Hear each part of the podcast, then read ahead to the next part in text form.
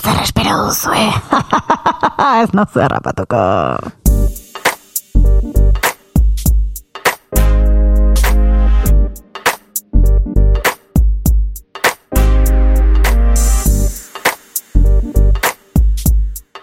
Kaixo, kaixo, arrate Hernandez Oiarbide naiz. Gaur biparetan, Nafarroako botoaren bilakaera eta sormenaren garrantzia. Juan Cruz Lakasta eta Andoni Mutiloak kazetariekin. Baltzatoz!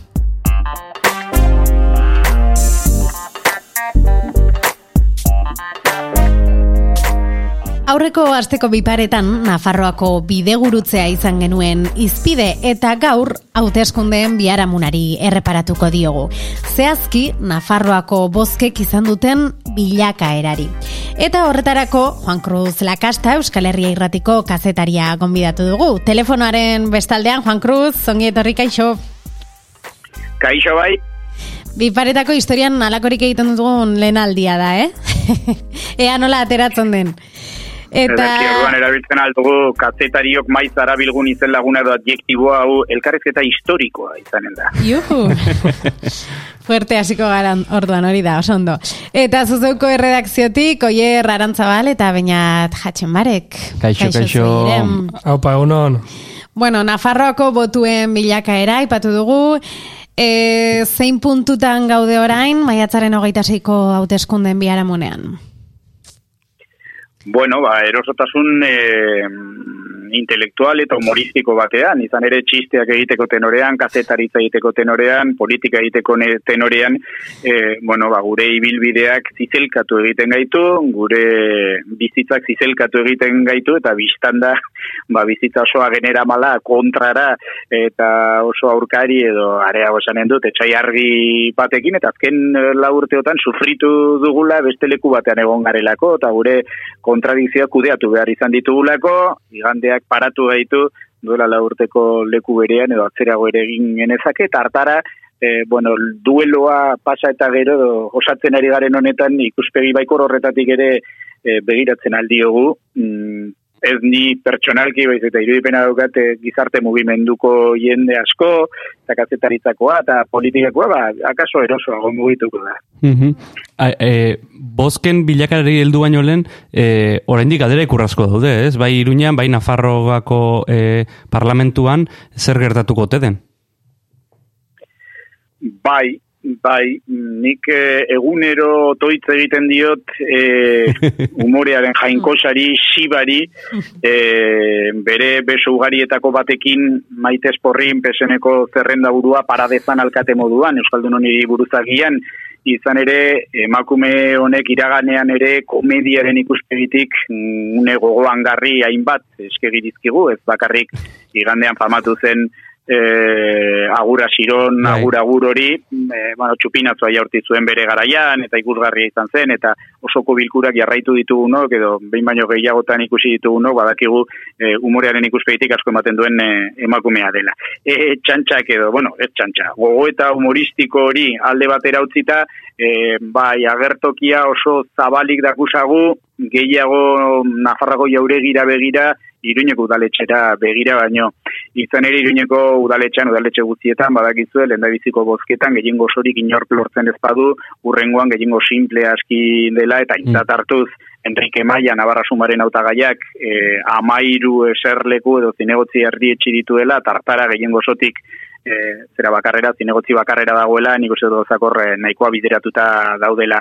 Oso zail dirudi, Joseba Sirone, elde gindu bada ere, jarduneko alkatea eta etxe bilduko alkate gaia saiatu bada ere, e, oso zaila dirudi, ezinezkoa e, erdi estea horre bada e, peixeneren sostengua, Joseba Sironentzat, hor marra gorria asirati jarri zuten, eta beste norabidean e, zerbait gertatzea, erran nahi baita, e, H. Bildu, garen autagaiari uko egitea, eta botoak e, peseneri ematea ere, ba, zaile ematen du, ezta, e, hor, amar mila botoko, eta hori iruñan asko da, amar mila botoko mm. aldea dago, eta bi zinegotziko aldea, EH Bilduren alde, bi indarron artean, eta, bueno, atzo konparaziora bakartxo ruiz euki genuen, EH Bilduko zerrenda burua parlamenturako Euskal Herri irratian, eta e, zantzigun hori surrealista zela.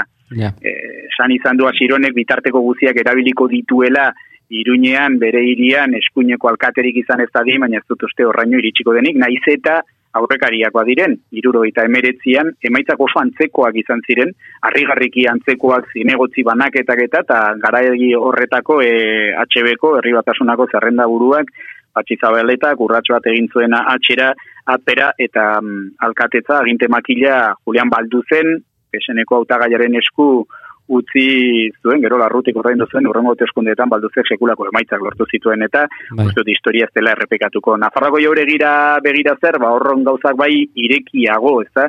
Ez dago, bueno, badago argi, lehendakari, edo Javier Espartza, Navarra Sumako zerrenda burua, edo Maria Txibite, pesenekoa izanen dela, eta hori ikusiko dugu, batzuek eta bestetzuek nola jokatzen dituzten, haien e, kartak batetik daukagu, marra gorri parea, Maria Txibitek e, jarririkoa, esaten du batetik ez zola albidetuko, espartza bere botoekin, espartza e, lendakari izaterik, eta bestetik dio, EH Bilduren e, sostengurik, bueno, sostengurik ez, EH Bildurekin ez duela negoziatuko. Mm. Aldeko botu ematen badiete, e, onartuko, onartuko ditu, baina e, ez du haiekin negoziatuko, eta marra gorri horiekin, ba, zail jartzen dira.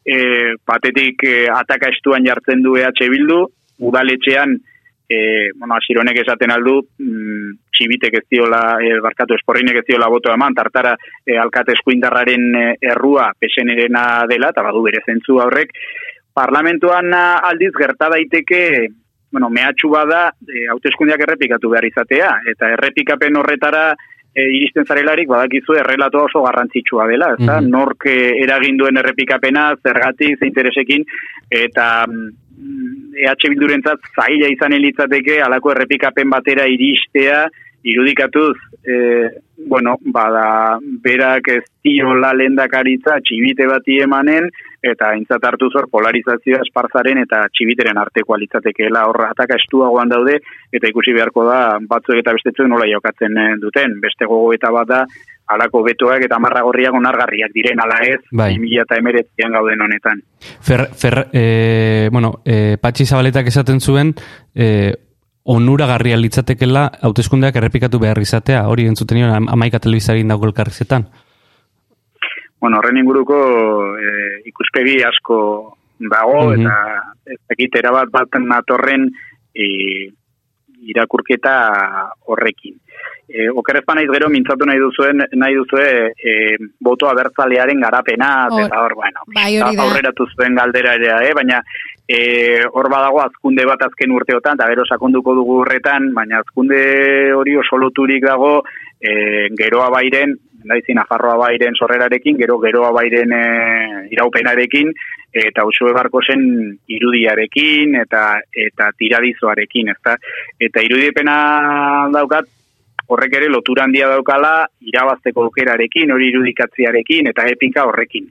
Eta irudipena daukat e, hauteskundeak e, errepikaturik eta ikusita gero aldaketaren blokeak ez duela irabazterik, e, usue barkosek ez duela lendakari izaterik, ba, da, lorturiko boto dietako batzu mm, kaltzen aldirela bidean, eta gainera horretara iristen bagara, errudun afisa edo kartela EH Bildu duelarik, ba, da, boto abertzalearen, ebindar abertzalearen ikuspegitik, ez dut uste oso panorama Hmm. Eh, eh, optimista denik edo baikorri izateko moduko panorama baten aitzinean egonen ginatekeen. Uh Bueno, aipatu dugu, e, bilakaera, botoaren bilakaerari erreparatuko diogula gaur, eta e, zukera aipatu duzu, ikusi behar dugu oraindik zer gertatuko den, inork ez dauka erantzun zehatzik. E, eta botoaren bilakaera horri erreparatzen hasteko e, nora begiratu behar dugu zein urtean hasiko gara kokatzen, e, zein testu ingurutan?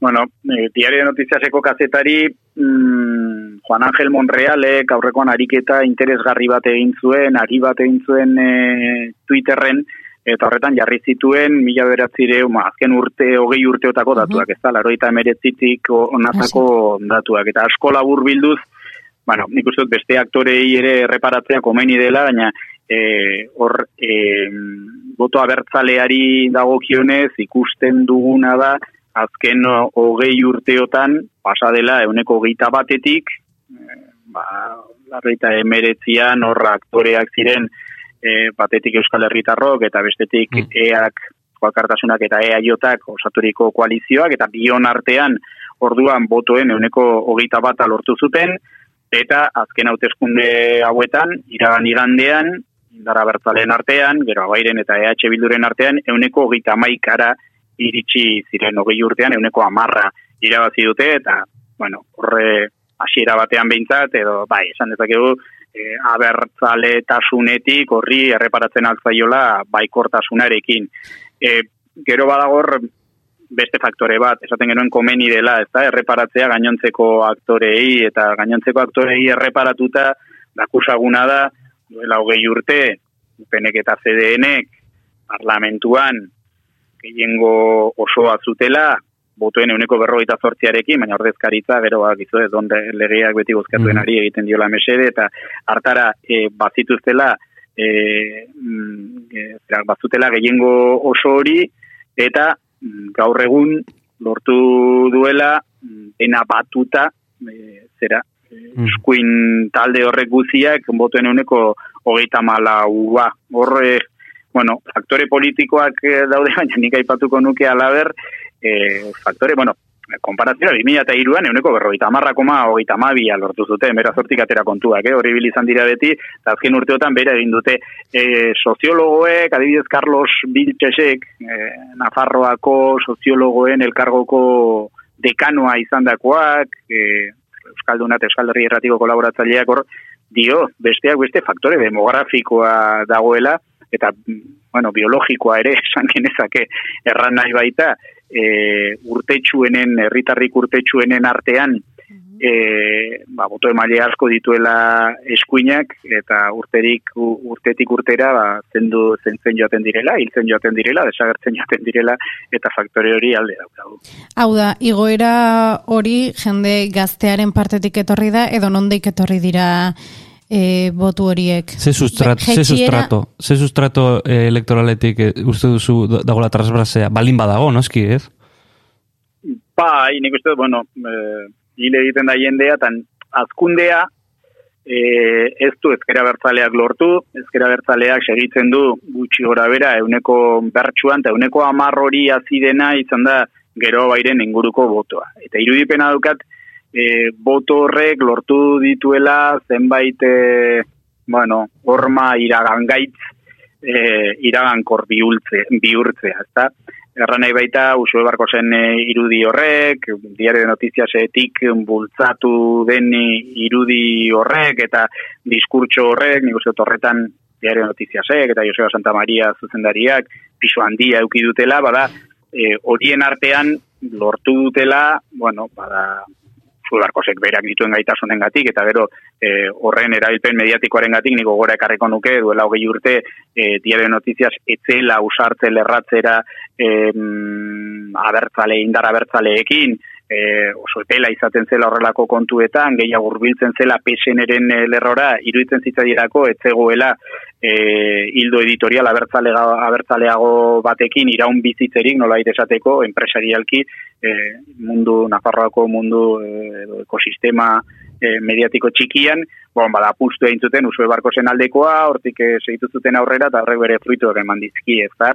Eta hortik etorri da azkundea, eta nik esanen duke pesenerik endu diola, abstentziarik endu diola, ezin antzi daitezke zeden eren eh, boto horiek, zentristagoak, navarristak, eta pixate eskuin eh, nafarrak pixate bide bazterrean utzi, utzi dituena.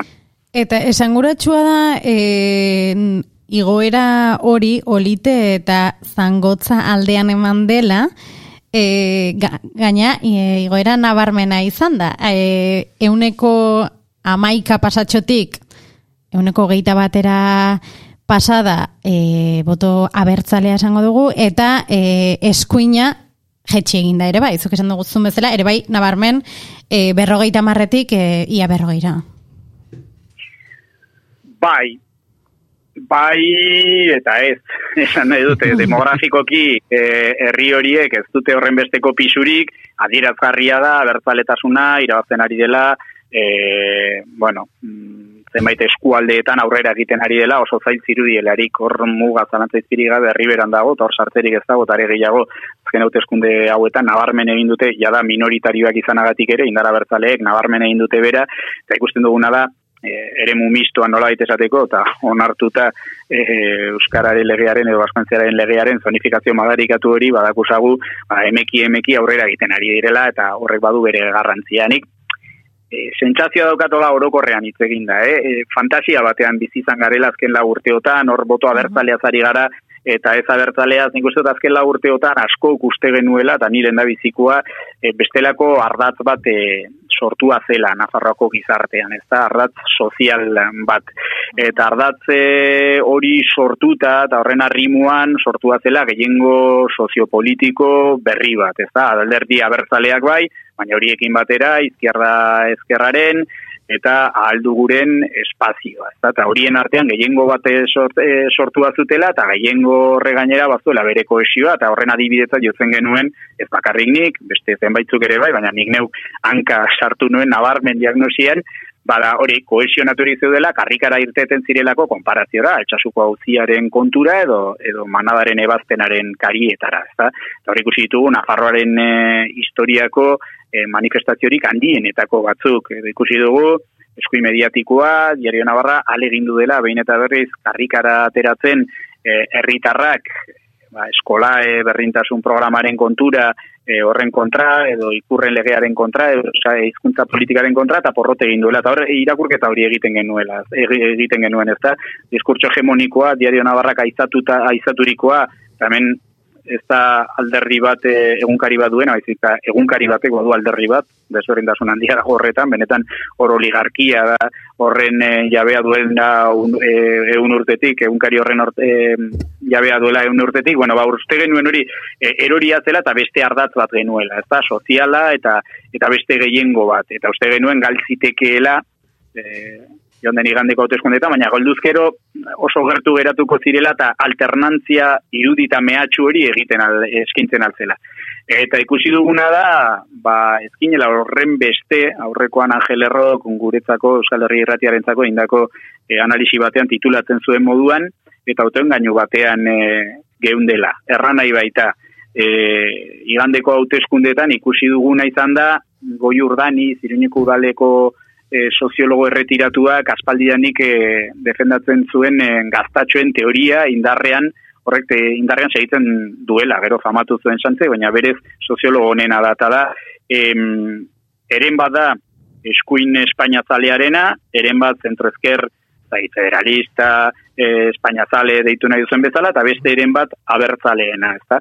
Eta gertatu zena duela la urte izan zen, e, ba, ekaitz e, perfektu bat, astro guztiak lerratu zirela aldaketaren alde, batetik e, krisi ekonomikoarekin, eta partzinaren e, murrizketekin, bestetik e, kan e, Nafarroko kutsaren desagerpenarekin, eta horrekin loturiko e, hori, ustelkeria, bueno, ustelkeria e, legalki edo judizialki etzen ala izan, baina jaso zuten dirutzarekin, eta horrek sortu zuen aserrearekin, eta, eta gero Espainiatik zetorren, aldu guren sorrerarekin. Eta, bueno, etaren desagerpenak ere, zer ikusirik euki zuen, e, abertzalek ere nolaiteko e, goraka dauki zezaten. Berreun botoako aldearekin lortu zen aldaketa, ez horrein ikusi da, e, astro guziak lerratu gabeta oso zaila dela, eta ez bakarrik hori.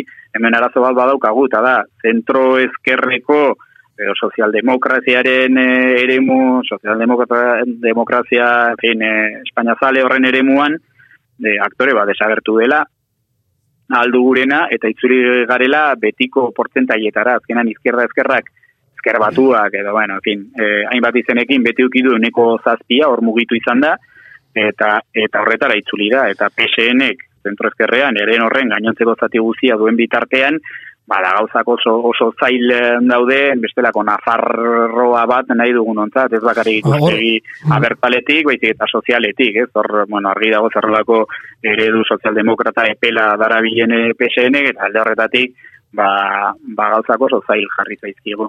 Hor gaina inoiz, eh, egon bali madie eh, hautesku, hemengo hauteskundek eh, baldintzatuta estatu, estatu maiako egoeran gatik, eh, azkeneko hauek izan dien eurre handi baten, ez? Eh, nabaritu da, estatu maian PSNek eta, eta Podemosek, PSOek eta Podemosek eukiduten eh, e, egoera nola estrapolatu da e, Nafarroko, Nafarroko hauteskundetara ez, et, et baita, eta hor, gaina ikusi ezakegu, ba, aparteko eh, haien arte neuki dituzten e, anai arteko borroka hoien artean gaizki ulertu askok eta eta nik uste baita e, epeluzerako begira da eskaxak e, nola eragindon e, bueno, ba, laukote, laukotek zeuken indar horren gainberan, ez? Eta gainera ez dakit nola ikusten, hor arrazoi sendonak edo nun ikusten dituzun, Juan Cruz, baino, jo, nik adibidez ikusten detena da, e, Lizarra bezalako plaza baten, ez? E, hor bertan bi, bi kandidatura bo, bi talde daude ezkerrekok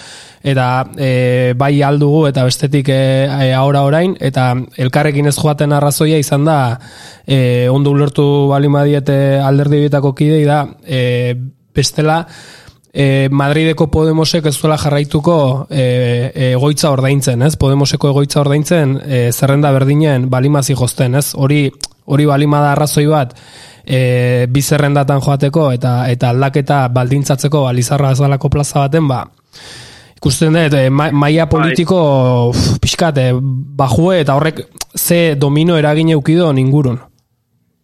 Bai, nik uste duten tezioa eukidezakegula errudunak bilatzekoa, ez da? Eta errudunak, e, bueno, ba, horiek izatekoa ez bakarrik lizarran, iruñan ere sakabanaturik aurkeztu dira, hiru hautagaitzetan, e, burratan antzeko zerbait gertatu da, alkatearen azen koalizioa desegin da, eta batetik aldugu aurkeztu da, bestetik alkateak segitu du koalizio horrekin, eta geroa bai sartuta zegoen hor, eta atera da, eta hiru hautagaitza sortu dira, hiru e, bakarra zegoen e, lekutik, baina uste dute oker genbiltzak ela. Mm leku gehien gehienetan e, Lizarra Barne e, e, batera joan izan balira ez zuten lortuko esan dut aldaketa etzen bermatuko boto, boto horien bitartez e, ordezkaritza handiagoa lortuta e, boto guztiak e, batuta. Nik uste dute e, faktoreak e, honen gibelean dauden zergatia bestelakoak e, direla. E, batetik Espainia Madrid aldetik datozkigunak, zuka ipatu duzu, batetik dagoela e, pesoeren goraka da, eta Sánchez efektua, nabarmena gurean, arestian, e, hasieran aipatu dut, e, e, maite esporrin, bueno, ene uste apalean, maila politiko oso basuko politikaria, oso legealdi kaskarra egin duena, eta irutik bostera igo dena. Irutzin egotzitik bostera, eta hori mm. bakarrik uler daiteke e, Espainiako klabe horretan, ez da? Oso gertukoak dira, e, udaleko e, ordezkariak zinegotzia, demokraziarik e, gertuenekoa, esan hori da, bueno, ba, alere, bostera iriste da, e, e, lortu baitute, horren kontura da, eta ez da beste azalpen posiblerik. Eta, e, eh, guren espazio politiko horretako kide idoakienez, eh, bueno, gauzak oroar gaizki egin dituzte Nafarroan, sekulako eskandaluak eta ikamikak, barne ikamikak euki dituzte Nafarroko parlamentuan zein iruñeko udaletxean, negargarri izan da, baina nik memoria pixka bat eginen nuke, eta eta Nafarroa bai sortu zelarik, eta hor, bai EH Bilduko kideak, baita geroa baikoak zeudelarik, baita batzarrekoak eta izkerra ezkerrakoak, e, molde honetako ikuskizun hainbat eskaini zituzten, barne tirabirekin, e, diario nabarrara filtraturiko barne informazioak e, ere bai izan ziren. Tartean, orain e, aldu gurekin gertatu den bezala.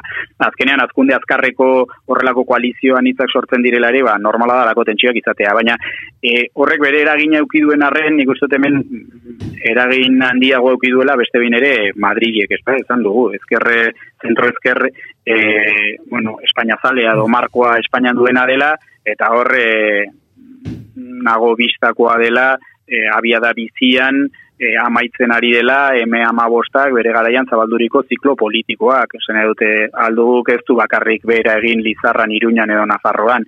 E, estatu osoan gertatu zaie eta nago zikloa agortzen ari zaiela eta ziklo hori agortzen bada Madrilen Nafarroan gauzak ongi eginda ere irudipena daukat etzuketela askoz gehiago lortuko. Orduan badaukagu batetik Madrilen eragina, Madrigo politikaren eragina, e, eren horretan, zentro eskerre Espainia zalearen ere horretan eragin handia duena, eta gero badaukagu beste kontu bat, txiste asko ditugu legealdi honetan, e, bada, oposizioaren, bai upeneren eta baita peseneren e, iragarpen apokaliptiko identitarioen kontura, eta iruditzen zitzegun arrakastarik ez zirela lortzenarik, ezkarik handiena benekan euskararekin, bai iruditzen zitzegun aleretzela horren bestekoa, eta biztandarrak dauki dutela, oso oposizio karrankaria izan da, e, bizikidetza zaildu edo zailtzen ale egindu dena, xenofobiatik urbil e, egon dena, Euskaldunokiko e, diskurtsoari dagokionez, eta erabinkorra izan da. Arestian aipatzen ari ginen, sortu atzela, edo sortzen hasi atzela, edo ala ikusten genuela, ez da, e, ardatz e, berri bat, soziala, gehiengo, gehiengo berri bat, nola ere, kontu identitarioak eta gainditzen zituena, eta bestelako e, gehiengoak artikulatzen zituen Nafarroan, eta ikusi dugu, lortu dutela berpiztea, ardatz identitarioa. Eta ardatz horrek gainera, ez du, ez du panorama simetriko bat e, marrazten, ez ditu bi erdi marrazten, marrazten du alde batera bi eren, eta bestea, eta bestera bestea, eta abertzale ona, eta ardatz hori, edo ardatz horrek zutik dirauen bitartean, Gauzak oso zail jartzen zaizkigu erakundeetara begira. Juan Cruz, hor, e, ni pixkat baikorra izatearen, eh? E, e, Eta, bueno, ez dut uste, e, bueno, izango dira zu ilusoa bali naiz, ez? Baina, baina, bimila zazpian, e, eskuinak, e, bueno, UPNek berroita zei, euneko berroita zei atera zuen, ez? Eta horten, e, e, danak batera orkestuta, eta danak karta, e, bueno, akumulazioaren karta jokatuta, e, eundagoita zazpien mila bozka, euneko goita mazei alortu dute. E, e, aipatu dituzu e, erenen ege aipatu duzu, baina gero badago ege nabarren bat, da da eskuina eta besteak, ez? E, bere garaian funtzionatu zuena, orain e, PSNek ez duelako bai. nahi, ez du funtzionatzen, baina horrek erakusten du, badagoela ez dakite, e, lege gintzaldi honetan, bai, ez? Baina, baina urrengo bai, lege begira baikorragoak izan gaitezke. Gogora ekar dezakegu, e, 2000 eta zazpian abuztukada gertatu zelari, guzio gogoan daukagun abuztukada hori, e, UPN-eren eta CDN-eren artean, hogeita lau parlamentari zituzten, tartara mm. gehiengo osotik, badak hogeita seirekin e, lortzen dela, gehiengo osotik bai. oso urbiltzeu dela.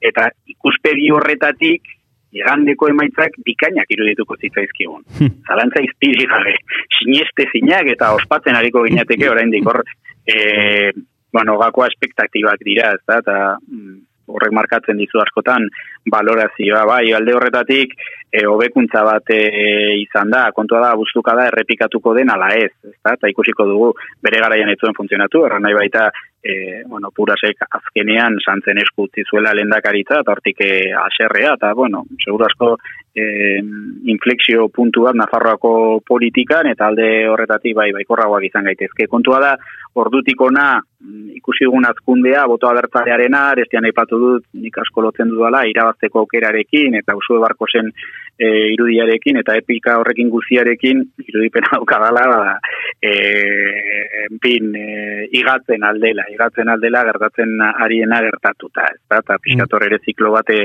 ezote den amaitzen ari, susmori daukate nik, E, bueno, ikusiko dugu, ni erabat ezkorra, ena, izarra nahi baita bestelakoak ere badituela Nafarroako gizartea, konparatzera gizarte zibil e, guziz e, e, aktibo bat, eta azkenean, bueno, erakundeak badira, erabakigune bat, badira botere bat, baina gero eguneroko bizitzan aldatzen dira gauzak, ez da, eta, bueno, ba, proiektu eraldatzaileetan, eta komunitarioetan, eta horietan non guzietan lan egitea garrantzitsua da, eta akaso behar bada pika gian azken urteotan e, pixkat itxuturik erakundeekin, ba horrelakoak pixkate geixia gutzi ditu bazterrean. Mm. Gustu badagoela gaitasuna, hori horrelakoak berreskuratzeko, berrero horietatik eta lan egiteko, ezin antzi baitaiteke, bueno, hor asto guziak lerrokatu zirela, e, duela la urte aldaketa gertatze di, Nafarro berakunde nagusietan, baina e, horretarako mm, ingurumari egokia izan zedin, jende asko, urte askotan lan egin zuela, gogotik,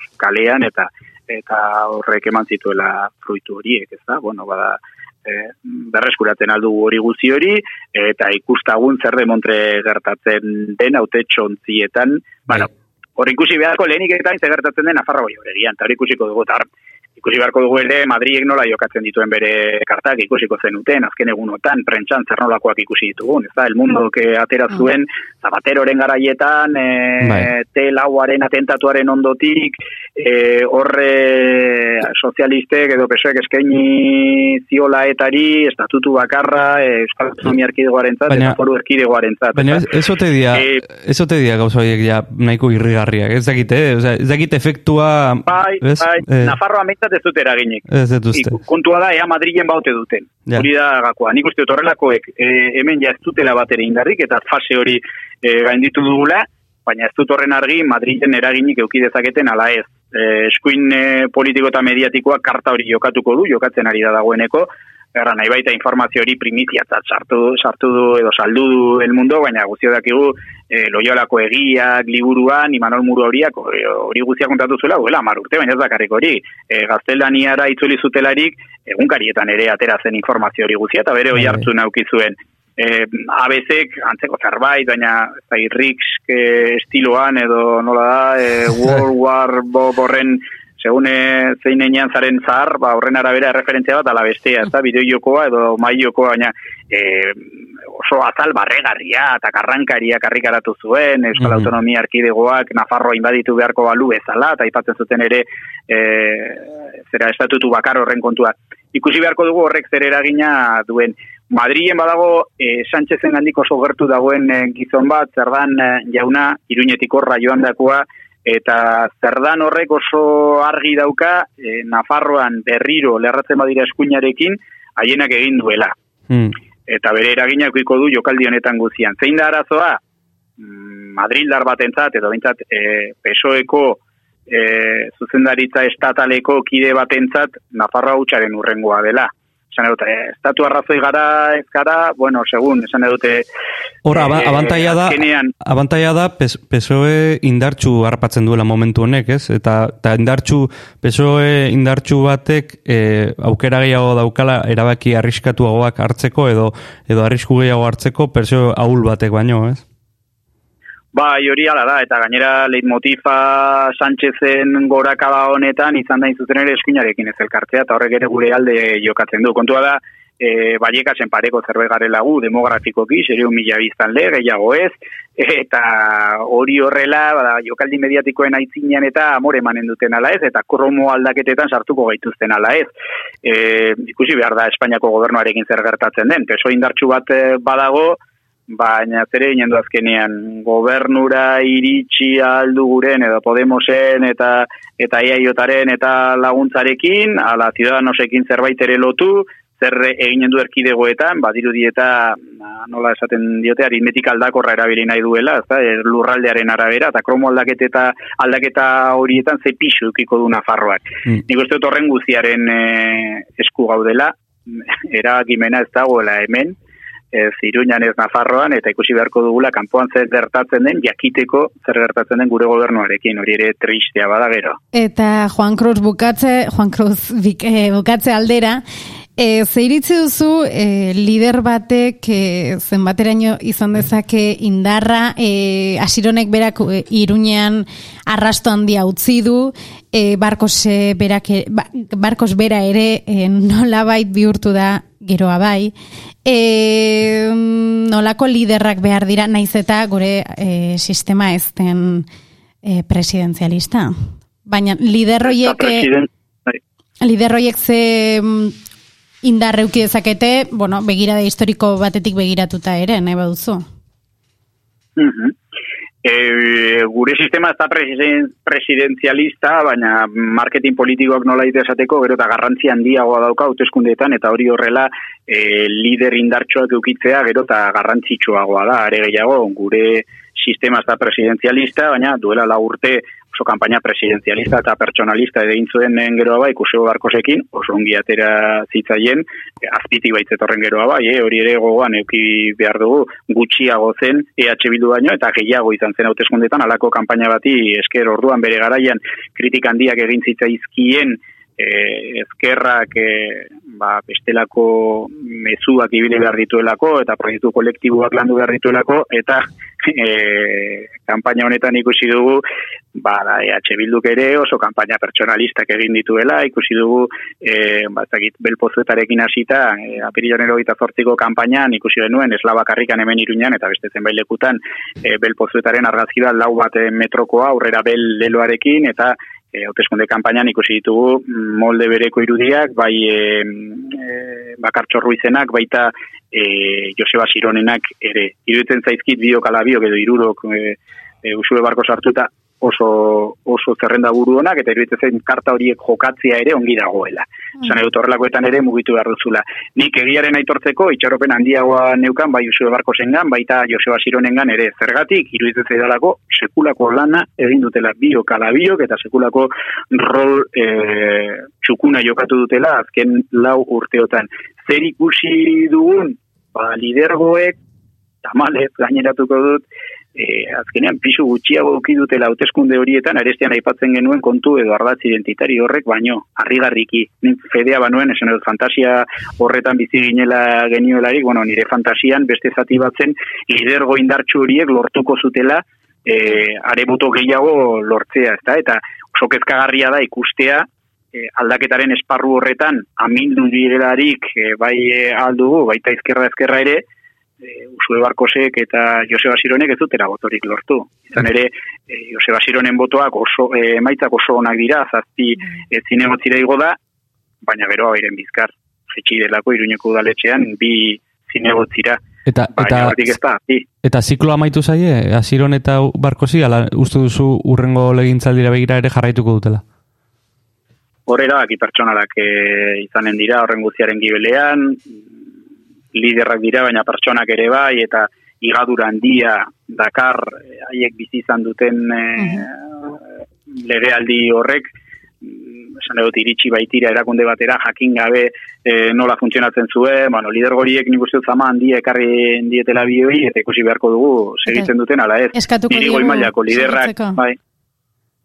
Nik, e, iruditzen zait, goi mailako liderrak direla biok ala biok, eta, eta ez bakarrik abertzalentzat, berriz dio, eh, nik ez da, Bai. neure burua abertzalet ziotzen dudan, edo, edo, edo zertatzat jotzen dudan. E, baina e, gizarte nafar sozialago, aurrerakoiago, justuago, eta Euskaldunokiko e, errespetuzkoago bat nahi dugun ontzat, oso lider garrantzitsuak dira, biok ala biok, eta garrantzitsua litzateke, ene irudikoz e, aurrera segitzea, jen ibilbide politikoan ikusiko dugu eginen duten ala. Eh? Mhm, bikain, ba, horretziko dugu. E, Juan Cruz, lakasta mia, mia esker. Horregotegatik, e, ondo atera da esperimentua, ez da? Bai, bai. Arrakastatxua izan da. Historikoa izan da, historikoa. Bueno, historikoak aso sartu dizu edan txapa. Bueno, e, da- dauzkagun e, bertute ugarien artean, uste ez dagoela e, labur mintzatzeko gaitasuna.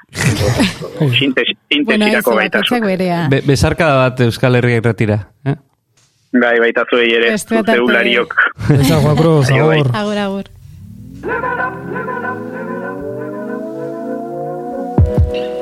Zuzeuk hainbat podcast ekoizten ditu astero astero. Guztiak podcast.eus webgunean topa ditzakezu. podcast.eus. Gainera webgunean bertan topatuko dituzu podcasten munduan murgiltzeko argibide guztiak. Zuzeu podcast, zure hizkuntzan mintzo diren istorioak.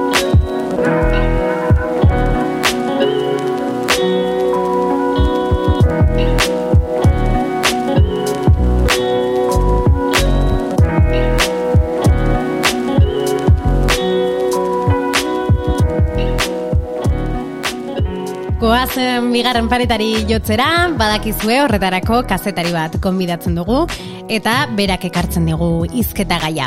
Aste honetan mikrofonoa kongi ezagutzen dituen bat ekarri dugu, Andoni Mutiloa bere izena, Andoni, kaixo?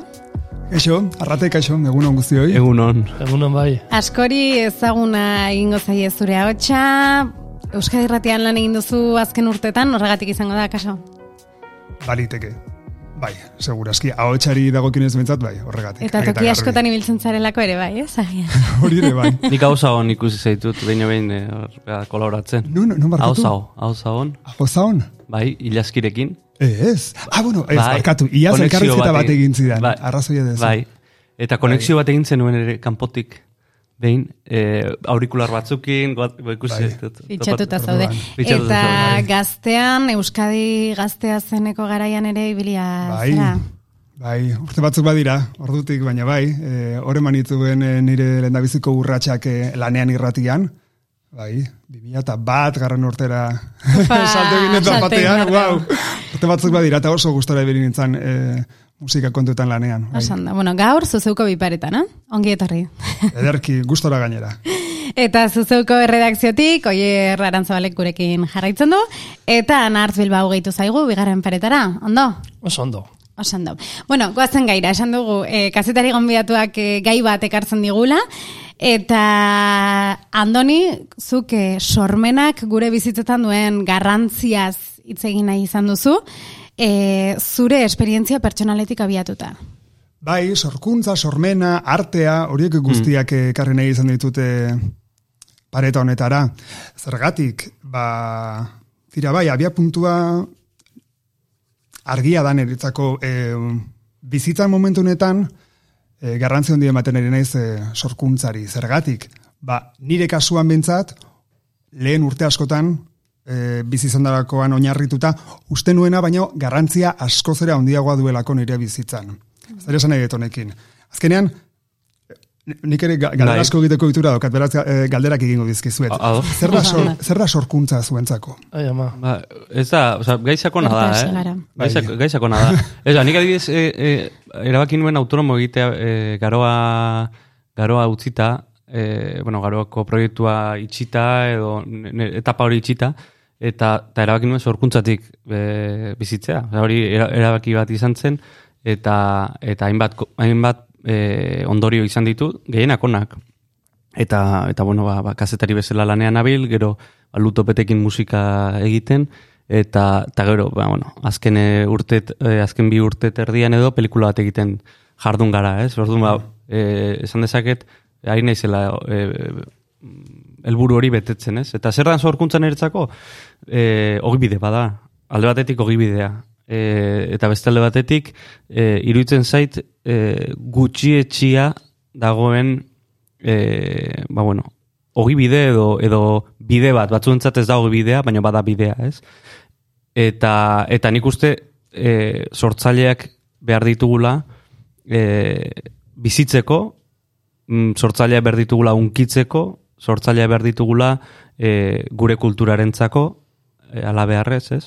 Ez dakit, ez da galdera errexea indezuna. Hori da, zer da hori adieraz, nik adiez, e, uste dut adierazpen bat dela, e, eta baduela zerbait berria, eta sortzen astentzarenean ez dakizula, e, ez dezula, bai, ez dakizula emaitza zein izango den. Ez, da, ez dakit, esaten, hau esaten ari naiz ez nago ziurrere, eh? baina Eh, ez dakite, osnarketa edo uh -huh. pentsamendu batzu dira, ez dakite, bai, zerbait berria badu uste dut, e, bai, eta adierazpen bat da, engan hartzure txan. bueno, definitzen oso zaila da, egia da. E, zaila da bakoitzak ez dakit, bedikus puntutik e, hartzen duelako, ez da, hori da, zorguntzaren, e, ez dakit, e, nik ez edo nabarmenduko nuken bat, ez, ez dakitan, zerbait berria, baina zerbait oso pertsonala bai. Nire ustez pixka bat eh, mundua esplikatzen alegintzeko modu bat da. Eta mundu esplikatzen alegintzeko modu bat, maitatu izateko egiten dana, ere, askotan mm. uste dut. Baina, eh, oso kuriosoa da, eh, interesgarri iruditu zaita dibidez, eh, oierrek esan duena, begitantzen zaidalako, beste aldean gaudenok, eh, azkenean ez garela jabetzen horretaz. Hau da, ez dugula Euskal Herrian batez ere ez dakit, kanpoan nola den bintzat, e, ogibidetzat hartzen, ez da? Eta orduan, uste dut, e, unmetan denok lantzen dugun gauza bat da, nera bezaroan gero eten bat egiten da, eta gaur egun niretzat, e, importantea da, sor, e, sormen edo sorkuntza edo artea, nire bizitzan leku desente hartzen du, baina beti bestaldetik, ez dakit nola esan, espektadore bezala, oza, ni, ni neua berazteko, baina ez, e, nik neuk zartzeko, ematen du hor, pun, eman zala eten bat, ez da, nola saldo hori, eta gero bukatzeko nire aldetik, e, bai, hor bai ikusten duala beste gauza batzutan ikasiz, eta ginez, arituz, gero eta eskarmentu gehiago da baliabide gehiago ditut, e, artean edo sorkuntzan alderantziz gertatzen zeite, gero eta gehiago ezagutu konturatzen naiz, e, inabarkablea dela ez, unibertso oso zabal bat dagoela hor, eta eta oso ez jakina naizela horretan. E, anar, zalare, eroain eh, esaten ari zarena entzun da, eta oso interesgarriak dira aipatu dituzun nahin bat gauza, maitatua sentitzeko egiten dugun, zerbait dala sorkuntza, ni hori zer da bestentzat egiten dugulako? Edo guretzat egiten dugun zerbait, edo nola ulertzezu hori? Bi gauzak daude tartean, ez? Nei irutze zaite alde batetik badagola egoak beti daude, ez? Bai. Egoa hor dago. E, egoak sortzen du personaia eta personaiak dauka indarra, ez? Alde batetik hori eta bestetik e, sortzea da e, egoteko eta izateko e, modu bat. Esan nahi dut, e, e, sortzeak egiten gaitu. E, eta egingo gaitu, etorkizunera begira, Bai. ez? Esan nahi dut, e, sortzen badugu bagara. Individualki eta harri bezala. Esan nahi dut, e, musikal e, talde bat sortzen azte balin bada, eta be, espresio hori gizarteratzen balin badu, bagaude, bagara, ez? Entzuten gaituzte, entzungo dituzte, entzungo dute euskara, e, gure kasuan, gaztelera, madrildar baten kasuan, eta e, eslovakiera, eslovakiar baten kasuan. Baina bada, egiten gaitu, kontatzen dugu, eta anartzeko ondo esan du, kontatzen dugun mundua gure be- beta horrekoetatik, ez? Eta horrek egiten gaitu, eta hori oso garrantzitsua iruditzen zait. Eta noski ba, egoak badauka e, garrantzia bat, ze azken batean ez gaitu egiten kolektibo bezala bakarrik, persona hori ere egiten du, eta horrek hor dauka egoak zatitxoa, ez? Egiten badugu, bagara, epatu berri duzu, eta egingo ez bagenu, zer gara? Zer gara? Bueno, egingo ez bagenu, segurazki e, mm, aspiratzu, aspiratuak izateko arriskua izango genuke, e, ba, geure kasuan e, kultur, e, kultura txiki bat garen enean, edo mm, kultura handiek inguratuta bizi garen enean. Nei irutze zait oso garrantzitsua dela e, Euskal Herrian e, ba, Euskaraz sortzea, ez? Euskal gintzaren lana. E, duela gutxi na, lanartea e, e, bueno, sindikatua edo e, sortzeko prozesua publiko egintzen, e, Euskal sortzailearen figura estatus bihurtzeko. Estatus bat sortzeko juridikoki e, eragina izango duena eta kontutan izango duena Euskara sortzen duen persona. Izan idaz, idazlea, izan e, kazetaria, izan musikaria, izan antzerkigilea. Baina hori oso importantea da. Oso importantea da, ze ez da berdina. E, esan nahi dut, e, ez da berdina eta betikoan gaude ez, ba, e, ez da berdina e, hizkuntza minorizatu bat edo, edo hegemoniko bat, ez daka zer ikusirik ez. Eta e, galderari zuzenki erantzunez, ba, ez badugu egiten, ez gaude. Eingo, izango gara hartzaileak, baina pasiboak, eta ez dugu, ez dugu ekarpenik egingo. Eta hori importantea da. Bai, hor, eh, ez badugu egiten, bestek egiten duenari begira, edo ez dakit kanpotik ez, pixkat egiten duzuna da, hautatu ez, zein dan, ez dakit nola esan. Eh, zure gana gehien urbil daitekeena, edo atseginen egiten zaizuna, edo beste batzuen bitartez azaltzen duzu, ez, eh, hori.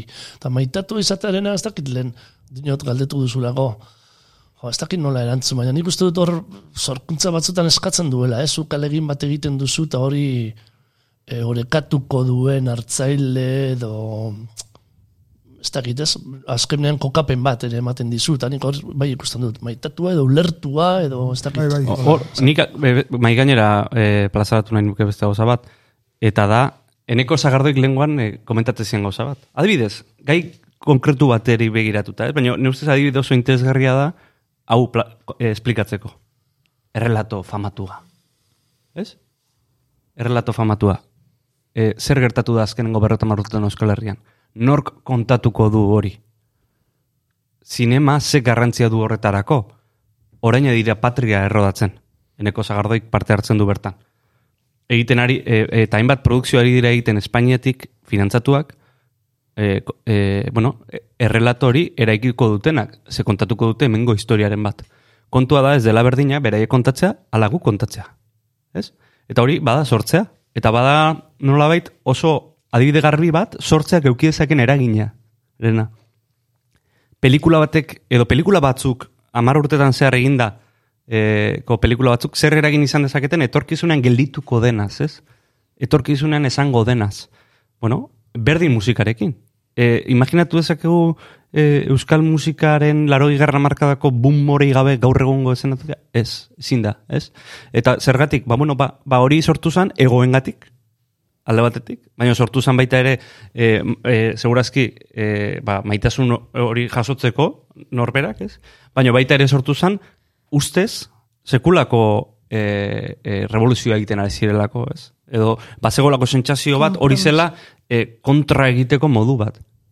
Orduan, gaia oso komplikatua da, baina... Bai. Oso zabala da, eh? Hortaz ere... Dena den hori galdetu nahi nizun, batetik, e, zor diguzu zure sorkuntzaren Bai. definizioa, eta bestetik, Oso ondo arratu. esan, dugu, esan duzu, en, diferente ulertzen duzula gaur egun sorkuntza, eta duela urte batzuk.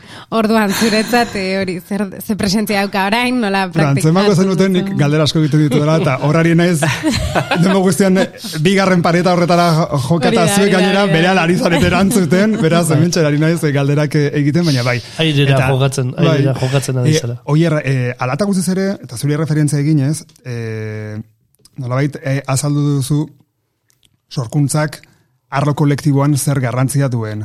Eta hori entzun izana ere garrantzitsua da niretzako. Batzutan hortaz ahaztu egiten naizelako. Zergatik, nire kasuan, eta e, horrela, arrate zure galderari erantzuten e, aste naiz, e, nire arloan e, sorkuntzak momentu honetan nire bizitzan daukan garrantzia, askoz ere gehiago dijoalako arlo pertsonaletik bideratuta. Baina, ahaztu gabe, gero horrek eragin bat izan dezakeela. Edo duela, seguru. Derrigor.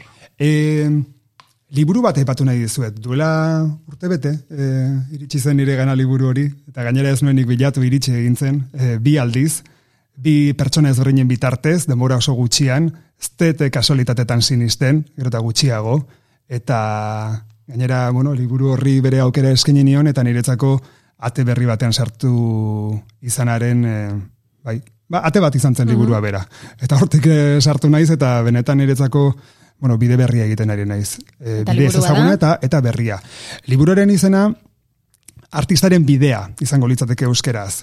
E, jatorrizkoa, ingelesez, Julia Cameron izeneko idazle amerikarrak eh, idatzea. Oharretan, oharretan jarriko dugu. Bai, Eh, bai, mesedez. Eh, The The Artist eh, Way. Way, gaztelera zeari naiz nirakurtzen, El Camino del Artista, agian eh, horrela aurkitzea errezagoa izango zaizue, eta gutxi gora bera, eta hitz gutxitan azaltzeko liburu horren eh, abia puntua da, bueno, azaltzen duena da, eh, sorkuntza berez denok daukagula, baina askotan gure bizitzan arrazoi ezberdinengatik sorkuntza hori blokeatuta izaten dugula. Ez diogula behar duen merezi duen eh, tartea eskaintzen arrazoi ezberdinak, ez gara bilegitan sartuko, eta liburuaren proposamena oso praktikoa da. Zentzuretan oso, oso jankia da, oso amerikarra da, ez da? E, bai- bai- baina aldieran ni, niri bentsat, e, ez da bakarrik asko gustatzen ari zaidala, baizik eta niri lagundu izan la- lagundu dit azkeneko hilabete hauetan e, prozesu pertsonalean sartzeko eta benetan ba, nire barruan oso iaia lotan zauden gauzak aurkitzeko. Beraz, eh, horregatik gomendatzen dut Eraginkorra izan da zuan. izaten ari da. Oraindik ere liburuaren e, e, ariketak egiten ari naizelako prozesu horretan sartutan nabil. E, nolabait, liburuaren helburua hitz gutxitan azaltzeko, ba hori, ariketa ezberdinen bitartez, proposatzen diguna da, e, blokeatuta dagoen sorkuntza hori desblokeatzea aktibatzea berriz ere, konfidantza izatea gure buruan, eta sortzen, astea. Sortzen zer? Modu orokorrean. Bai, oso modu orokorrean, gero bakoitzak bere bere bere sorkuntza adirazial izango du modu ezberdinetara. Hor nik apunte bat, e, e, interesgarri irutu zai baita ere, nola e, txikitan, e, daukagun gaitasun bat, e, e, bueno, berez datorkiguna e, sortzeko, eta nola gero pixkanaka e, sartzen gaituzten marren barruan, ez? Nola marren barruan margotu behar da, eta marren barrutikan e, imer, ematen digute irudi bat, eta gu margotu behar dugu marratik pasagabe, eta pixkanaka nola desaktibatzen den gaitasun abstraktu hori gauzak e, margotzeko. Eta galdu iten dugu, nik, osea, gu ez gara gai margo- margotzeko txerri bat, e, e, ama, sortzi urteko ume batek margotu dezaken freskurarekin, askatasunarekin. Askatasunarekin ere bai hori da. Hori in, e, ikaragarri iruditzen zait, ez? Ez dakit, eta- nuz ez badauka lotura horrekin, ez?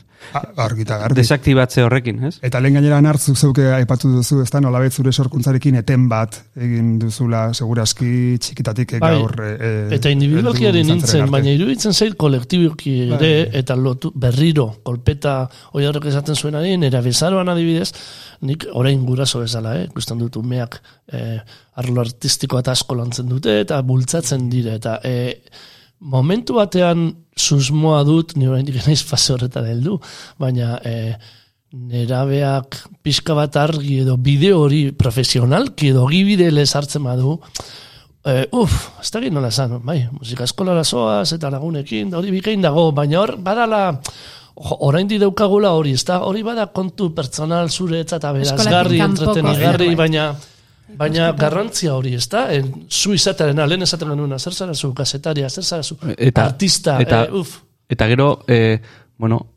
eskolak hainbat abildade edo hainbat inteligentzia e, e, obesten dituela eta beste batzuk ez dituela hor- horren beste boz, e, e, obesten, ez? Nahi dut, e, e, matematiketan honen ona balin bazara, ba, ba oso nabarmen geldituko da, eta zure etorkizuna segurazki e, asko argiago ikusiko dute irakasleek, baina aldiz e, gaitasuna balin baduzu, e, abstrakzioan, artistikoki, ba, ba, seku, segurazki sekulako e, burua balin badokazu proiektatzeko gauzak abstraktuki marrazteko eta hori, ez da horren beste e, e, mm, sarituko zure gaitasun hori. Esan dut, ez da horren argi ikusiko zure bidea, ez? ez da prestigiatzen gizarte Ez, ez. igual, Ez, ta, ta gero, e, e, lehen aipatu ditudan marrak, e, ba, e, ma, barruan marraztu erdun marra horiek ere badirlako, hezkuntzak ere badituako bere marrak, ez? E, mar, marra horien barruan sartzen gaituzte eta Eta hortik ohituta ate... gaudelako hori da, horrela bizitzen, eta dena horrela ulertzen. Bai. Azkenan egia da, e, artea, eta lehen esan dagoen bezala, sorkuntza zaila baldin bada e, azaltzeko, esplikatzeko eta matematika ez, ba, orduan, ez dakit nola esan, ez dakit, e, Ez dakit, ez dakit gure, gure, gure hezkuntza e, o- prestote dagoen etorkizuneko pianista miragarriak edo margolari miragarriak edo hoiek mm, e, miragarri izan daitezen prestatzeko. Esan nahi dut, e, ez dakit gure hezkuntzak identifikatzen e, aldituen e, persona horiek e, identifikatzen duen eraberean ma, e, matematiko ona. edo lana egiten duen hortu. matematikari bikainak izango dira horietako dugu, batzuk eh. ze matematikak ere ez du, Musikarekin ez du lotura, ematen, bai. baina sortzaile, bueno, ez da ze puntu arte, baina bueno, badauka hor. Musika zientziarekin badauka lotura bentsat, bai. Bai, e, jo oso gustora nabil hemen zuen, zuen gogoetak intz- i, e, entzuten, eta gainera, nolabait ere, e, hortaz e, jabetzen naiz. Ez da, banuen sentsazioa, baina zuek entzun da, e, haren nabarmenagoa da, orain. Azkenean, niri gertatzen ari zaidan e, prozesu pertsonal hau, nahiko orokorra ere izan daitekeela. Jende askori antzeko gauzak gertatzen zaizkiolako. Tira, liburu hau irakurtzen eta proposatzen ditun ariketak egitearekin batera konturatu nintzen. Wow, zer egin dut nik nire sorkuntzarekin urte hauetan? Alde batean utzi dut, ez diot eh, behartzuen garrantzia eskaini. Nola baite arte eta sorkuntza bigarren maila batera pasa dira. Bai, landu ditut hobi moduan agian, baina ez naiz buru belarri hortik sartu. Eta agian etzen nire, nire bidea, agian etzen nire, nire aukera. Baina gogoan dut adibidez txikitan galdetzen zidatenean. Zuk zer izan nahi duzu handitan. Nik beti izaten nuen argita garbi, txik, ez dakit, bost bat eh, urte nituenean. Aktori kantante, nahi duz nik. Vale. Pasa dira, beste bide bati heldu nion, kazetaritza ikasen nuen, magisteritza ere bai, eta nolabait ere, arlo horiek landu ditut, gehiago gutxiago landu ditut, baina beti bigarren maila baten esan bezala, eta Hobby afizio moduan. Hori da kontua. Momentu honetan eh, nire bizitzan konturatu naiz, alde batetik, e, ba hori, e, bueno, galderak egin dizkot nire buruari, zuei egiten dizkizudan moduan, zergatik ez ditute landu arlo horiek eh, beste modu batera. Bueno, ala eta guztiz ere erantzun hori ez dit gehiagia erreparatu. Nahiago orain momentuko hori erreparatu. Eta orduan esan, begira, orain denbora daukadala aprobetxatuz, zergatik ez, hasiko naiz, sortzen hasiko naiz, nire bidea egiten beste modu batera. Eta, eta horretan ari naiz, momentu honetan. Claro, horrekin zorionak. batera, eskerrik asko, horrekin batera, beldur pila bat agertzen dira. Horrekin batera, erresistentzia pila bat agertzen ari zaizkit. Horrekin batera, konturatzen ari naiz zergatik ez nion ere buruari aukera hori eskaintzen hainbeste urtetan.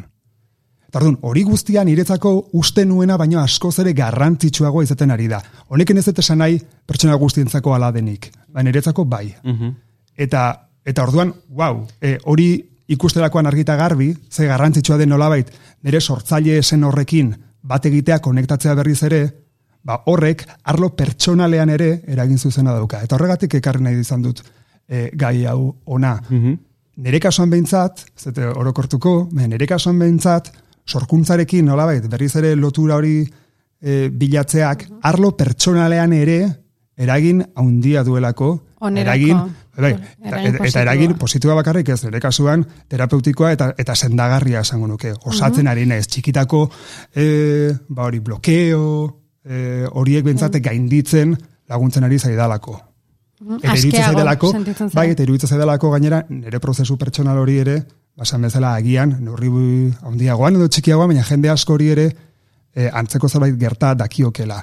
Iruditzen zait, e, sorkuntzari leio bat zabaltzen baldin badiogu gure egunerokoan, orain horrekin batera e, galdera bat luzatuko dizuet, baina horreratuko naiz. E, iruditzen zait, uste duguna baino eragin handiago daukala adibidez, gure humorean, gure animoan. Sorkuntzari leio bat zabaltzen baldin badiogu, tarte bat eskentzen.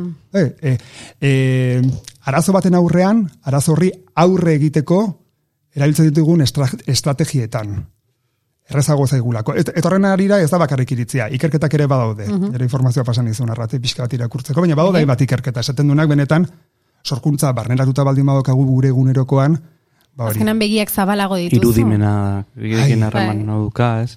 E, or, baliabidea. Gehiago ikusten duzu, baliabide gehiago dituzu. Hor, e, interesgarri gero beldurrena ere bai, ze azken baten lehen aipatu duan hildotik, e, ingeniari izateko bideak oso argi daude, ez? Eta mundu guztiak esan komendatuko dizu ingeniari izateko, eta jarriko dizkizute irakasleak hortarako, eta oso babestuta egongo zara, behintzat, e, alor edo aspektu batzutan, ez? Baina zuk aktore izan nahi baduzu, munduaren kontra bakarrik zoaz, ez? Edo musikari izan nahi baduzu, badaude bide akademikoak, baina e, normalean laguntza edo, edo bideak ez dira horren argiak. Eta, eta gomendioak, gomendioak ez, ez dituzu izango, ez? Ez dizu inork esango, jo, musikari izan behar duzu noski, bai, ez, ez, beti arazoak daude tartean, ez? Edo bai. azpimarratzen dira e, arazoak, ez?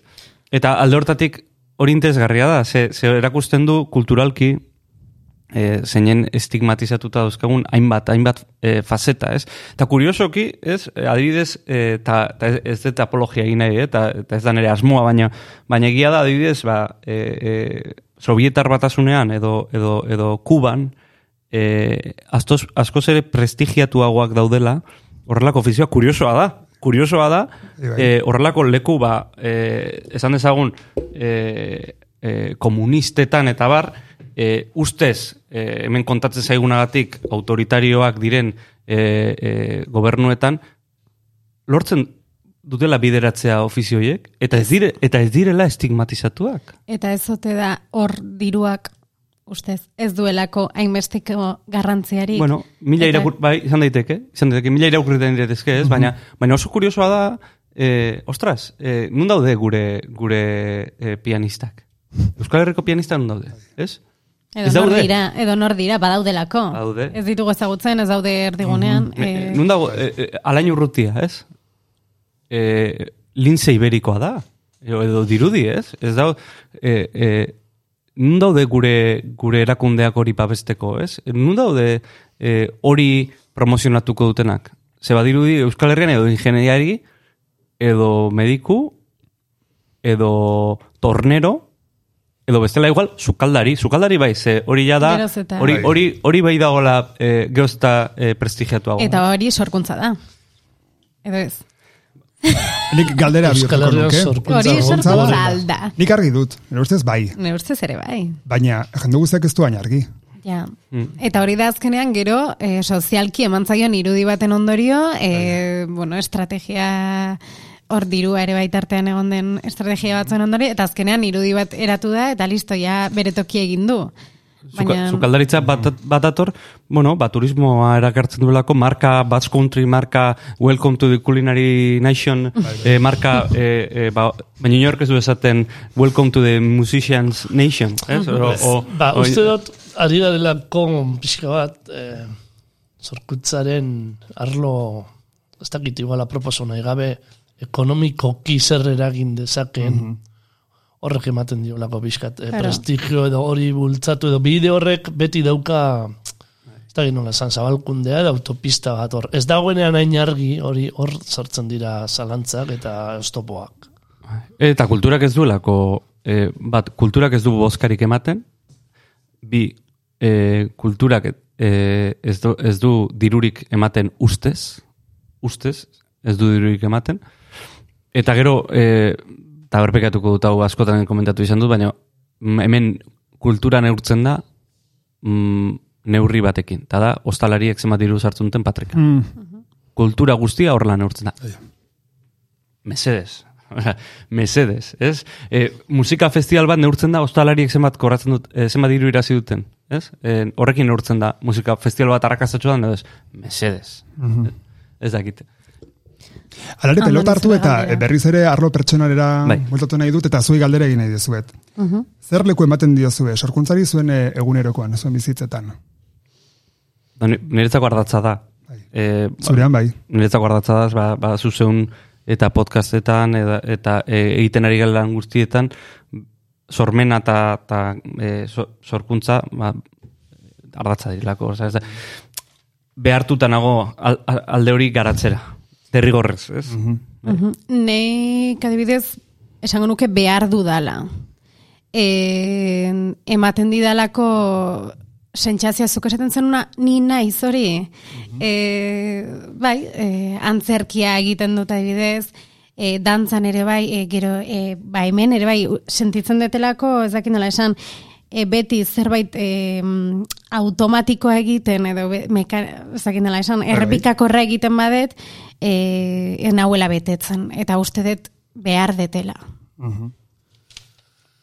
Ni lehen apur bat esan dut, e, bestaldetik edo nahiko hartzaile pasibo lez eh, hartzen du ala, baina hartzaile pasibo lez bada ere izan ditut momentuak nire bizitzan non erdigune edo askoz gehiago bete bete izan nagoen. Orain nahiko desaktibatua sentitzen naiz, egia esan, ez? Ba- ba- Bada gainera fase bat, orain arte nahiko ez ezaguna nuena.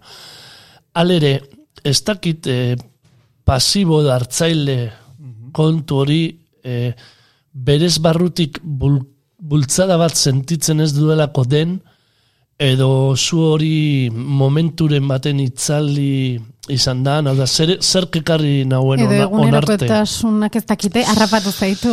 Ez daki galdera da, eh? Hori da nik ere daukadan zalantza guzti honekin lotuta dagoena, eskuntzarena, Ez da eta... pf, eh, kontra egitea, edo bintzat zure toki hori mantentzen jakitea, ez da erresa. Ze- E, zeintzen galdera, no? Nik, a- a- Zer, zer leku Bai. izaten du sor, sorkuntzak Bai, zuen egunerokoan, zuen bizitzetan. Bai. E, ez galdera interesgarria da. Nik alare, eta e, pelota berri sartuz, eta kanastara botakoet, eta berriro e, kolektibora nijoa. Eta, eta aipatu nahi dut, aipatu nahi dut, e, e, adibidez, e, moain aztertzen abilerako proiektu baterako, ere zoinka mugimendua, ez? Bai. e, ba, e, gerra ostean e, euskal erbesteratu e, artista, musikari, e, pf, bueno, horrelkartu ziren dantzari, kantante, e, artistak, e, e, artista plastikoak, eta sortu zuten erozuenka e, kolektiboa, artearen da sorkutzaren bidez propaganda egiteko. Zer eta e, fasismoaren aurka eta e, e, erbestean zegoen e, Euskal Gobernuaren alde, ez? Eta horre ere erakusten da, ze importantea den sorkuntza, ez? Ga, horrelako garai e, nazkagarri batean. Zeinetan, familia pila batek alde egin behar izan zuten, ez? Eta, eta gure arma zeintzan? E, bombak, e, eskopetak, ez? Hortan ez, ez genuen irabazi, ez? Gure, gure arma hor bihurtu zen propaganda, ez? E, ba, ba, futbolak egin zuen bezala, baino sorkuntzatik bideratuta. Esan nahi dut, e, garaiotan asko premiatzen da individualismoa. Eta gainera bultzatzen da individualismoa, ez? Eta, eta gure buruak inkonsientek ere e, autu hori hartzen du, ez? Sare sozialetan, norbera dauka bere, bere e, egotxoa, eta norberak egiten du bere autobomboa, eta denok egiten dugu, ez? Baina, nire ustez, badaude tenorean ere pentsatzeko zer ekarpen egin behar dugun, ez? E, gaur egungo gizartearen zat.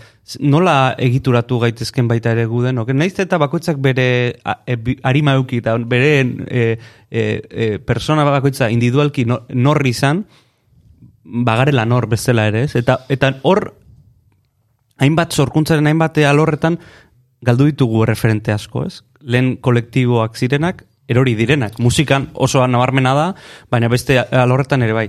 Eta nire ustez erantzunkizuna, sortzaileon erantzunkizuna da berriz ere, e, e, uko ingabe norberaren koloreari, berriz ere, bat sortzeko referentzia batzuk. Ze referentziari gabe, akabo, eh?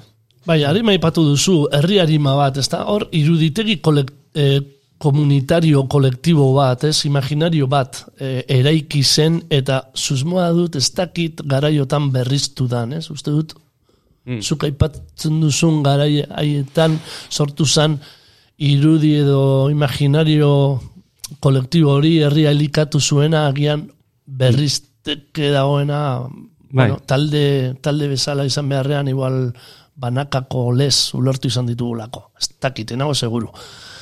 Pixua ere, e, sorkuntza daukan pixua edo garrantzia prestigiatze horrek segurazki segu, zer ikusi izango du, ez? Hori ere aldatzen doalako, eta orain bai, e, sosetan edo ekonomikokin neurtzen delako. Andoni ze arretatzari zara entzuten, Bai, gauza- serio arpegia duzu.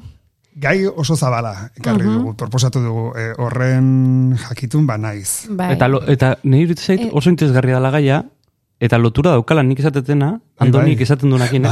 Bai, bai, bai, eta, eta esan dizute, e, oier, eta gainera, e, eskertu dizute zuk ere kolektibora jo izana hainbat alditan, e, agian nire kasuan, e, Bai. abia puntua pertsonala izan dalako, Baina baina, hori da batzutan, lehenengo pausoa, ala? niretzat bai, baina ahaztu gabe, gero sorkuntza, nik, nik ez dut, e, oraingoz behintzat, ni- niretzat bereziki sortzen dut. Mhm. Baina momentu baten erabakitzen baldin bada sorkuntza hori partekatzea, zabaltzea, jenderi eskaintzea, hor bi norabidetako sorkuntza iritsiko litzateke, ezta? Ze akaso oierrek ja lehenagotik egin du Bai, lanketa hori eta bai. esan du eta erabaki du nik sorkuntzari eh, emango diot toki bat eta emango diot lehentasun bat nire bizitzan. Eta hortik aurrera hasiko naiz sortzen kolektiboki, akaso pentsatzen ja, kolektiboki, zu orain zaude, ez dakit aurreko pauso horretan gero agian, ez eh, bakoitzak bere bidea egingo du. Ar- on- ondo arrate, baina ez da mm, kolektiboa hor dago. Esan nahi dut, e,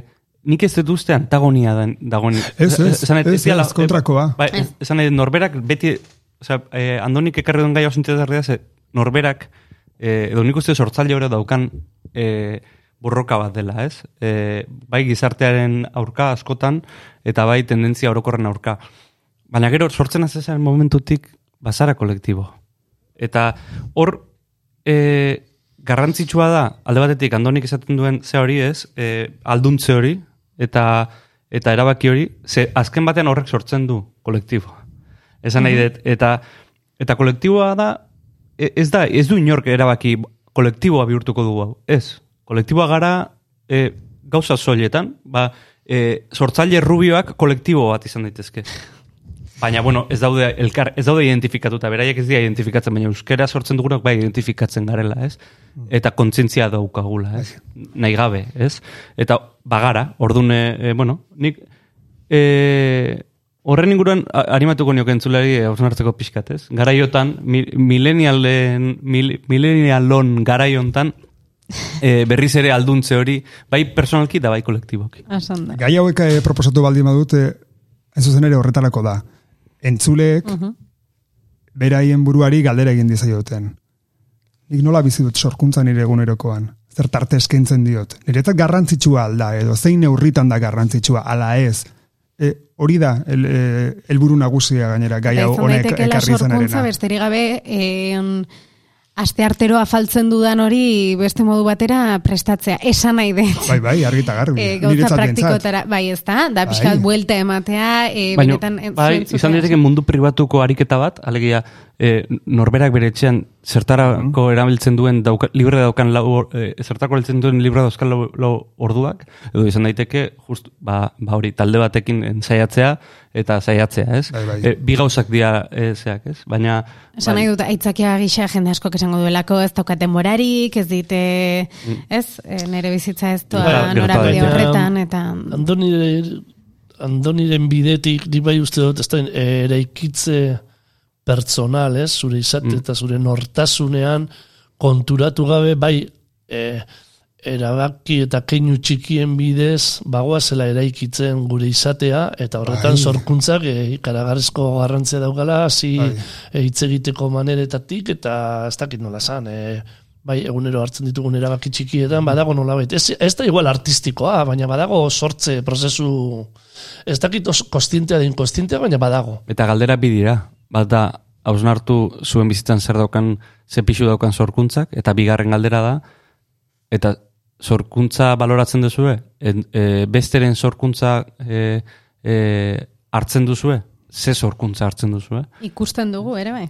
Bueno, Andoni, ze, zer hitza hartu nahi Bai, zenuela. e, aipatu berri duzu barrate, ez da, askotan eta pertsona askok esango dutela, jo, baina ez daukat denborarik, ja, ba, e, lanean egunean e, zortzia amar ordu eskaini ondoren etxera etorri etxeko egin beharrak, denbora eta zer gogo daukat sortzera, e, sorkuntzarako.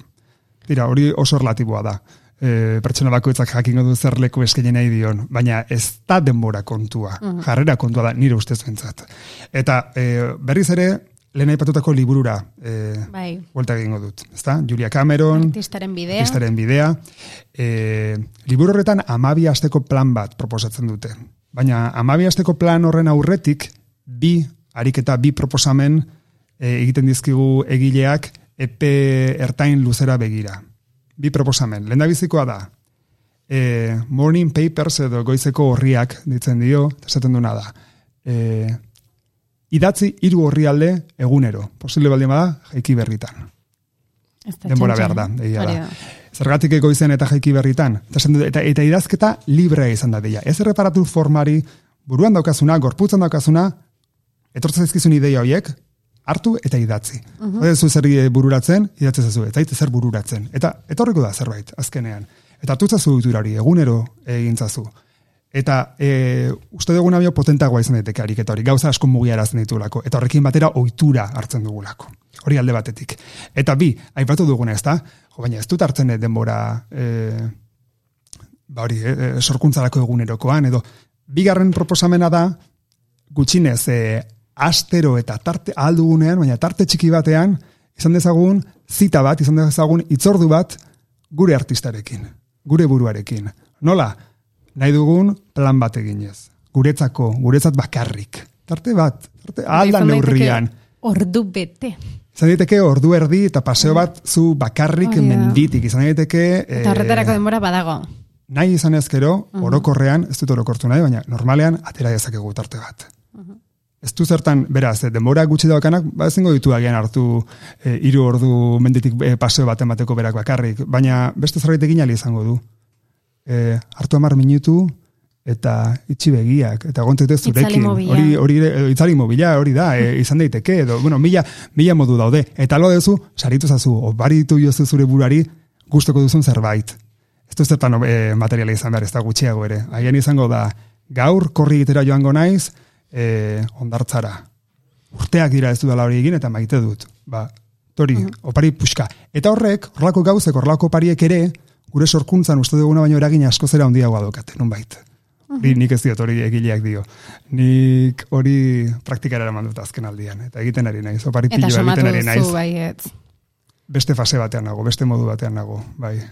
bidea egiten, artistaren bidea egiten, baina niretzako pertsonalki, ez dakit, eta, eta bukatu horretik beste zerbait ere e, gogora nahi dut, eta entzungo zen duten askotan, baina askotan sorkuntza produktuarekin, ekoizpenarekin lotzen dugu. Eta kasu honetan, niretzat bentzat, argita garbi, garrantzitsuena ez da ekoizpena, Materiala. ez da aurkeztuko duguna, bidea, egindako bidea litzateke. Prozesu horretan nik zer egiten dudan, zer ikasten dudan, nola bizi nahi zen, zer aldatzen den. Niretzat sorkuntza bidea da, eta ez emaitza. Ez dakitu zuek eh, nola ikusten duzuen hori. Ados, eh, ados, eh, eta gero, bueno, eh, ados horrekin, eh? Emaitza oso desberdina izan daiteke. Ez, ja, geroz eta emaitza material gutxiago dago, ez? Orain, eh, bot, zuzenekoak, adiz musikan zuzenekoak dauka importantzia, eta, eta zuzeneko oso polita da ze behin gertatzen da, eta igual ez da gehiago gertatuko, eh, antzerkiarekin berdin, ez? Eta gero, ba, ba ja, ja fiziko, formatu fizikoak geroz eta pixu gutxiago dauka. Baina zein ederra den liburu bat hartzea ere, bai, esku artean, Bai, bueno, bueno, ba, bi gauzak, ez, bai, e, noski baietz bidea dela importantzea, ez, e, bide horrek emango digu etorkizunan beste zerbait egiteko aukera. Ba, zure buruarekin egot, e, ez dakit, daukasun denbora, edo astia, ez, pixka bat, nola bete, hor ikusten dunik, gustatu zait proposamena. Ea, Praktikara eramaten dugun, eta ea gure barruan dugun sortzaile hori, ze denak du, denok dugu sortzaile hori, e, bueno, pues pixka bat eh, ateratzen dugun eta presentzia handiago ematen diogun. Horretarako balio baldin badu gaurko salasaldi honek, ni pozik noa. Nik oso ondo pasa. Ez da gutxi. Nik ere bai, zuk ere bai anart. Esan baietz, eh? Anart, bai, asko, askorako ematen du, revés, jarraituko dugu ana- bukatu. eta- Ana hartu, iruditzen zaite pentsakor bukatu duzula, beraz, Iruditzen zait, Lortu Eh, dugu. lortu lortu dugula nahi genuena. Andoni Mutiloa, mila, mila, mila, esker. Plazerra. Eskerrik asko gonbidapenagatik. Hori segi zure bidea egiten, eh? Segi dezagun. Eta eragiten. Segi dezagun. eta Ah, Hori da, eragiten. hori da.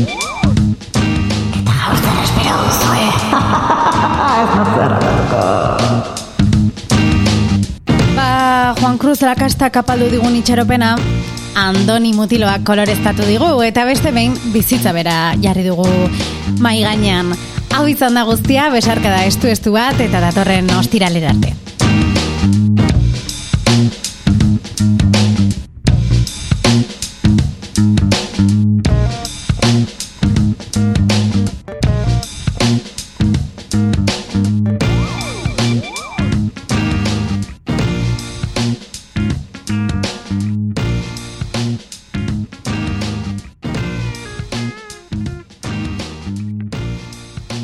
Edozein plataformatan entzun dezakezu zuzeu podcast. Spotify, Apple Podcasten, Google Podcasten, eta plataformaren batean espalin gaude, idatzi podcast abildua zuzeu.eus elbidera. Hori da podcast abildua zuzeu.eus. Eta segidan igoko dugu plataforma horretara ere gure edukia. Eskerrik asko eta hurrengora arte.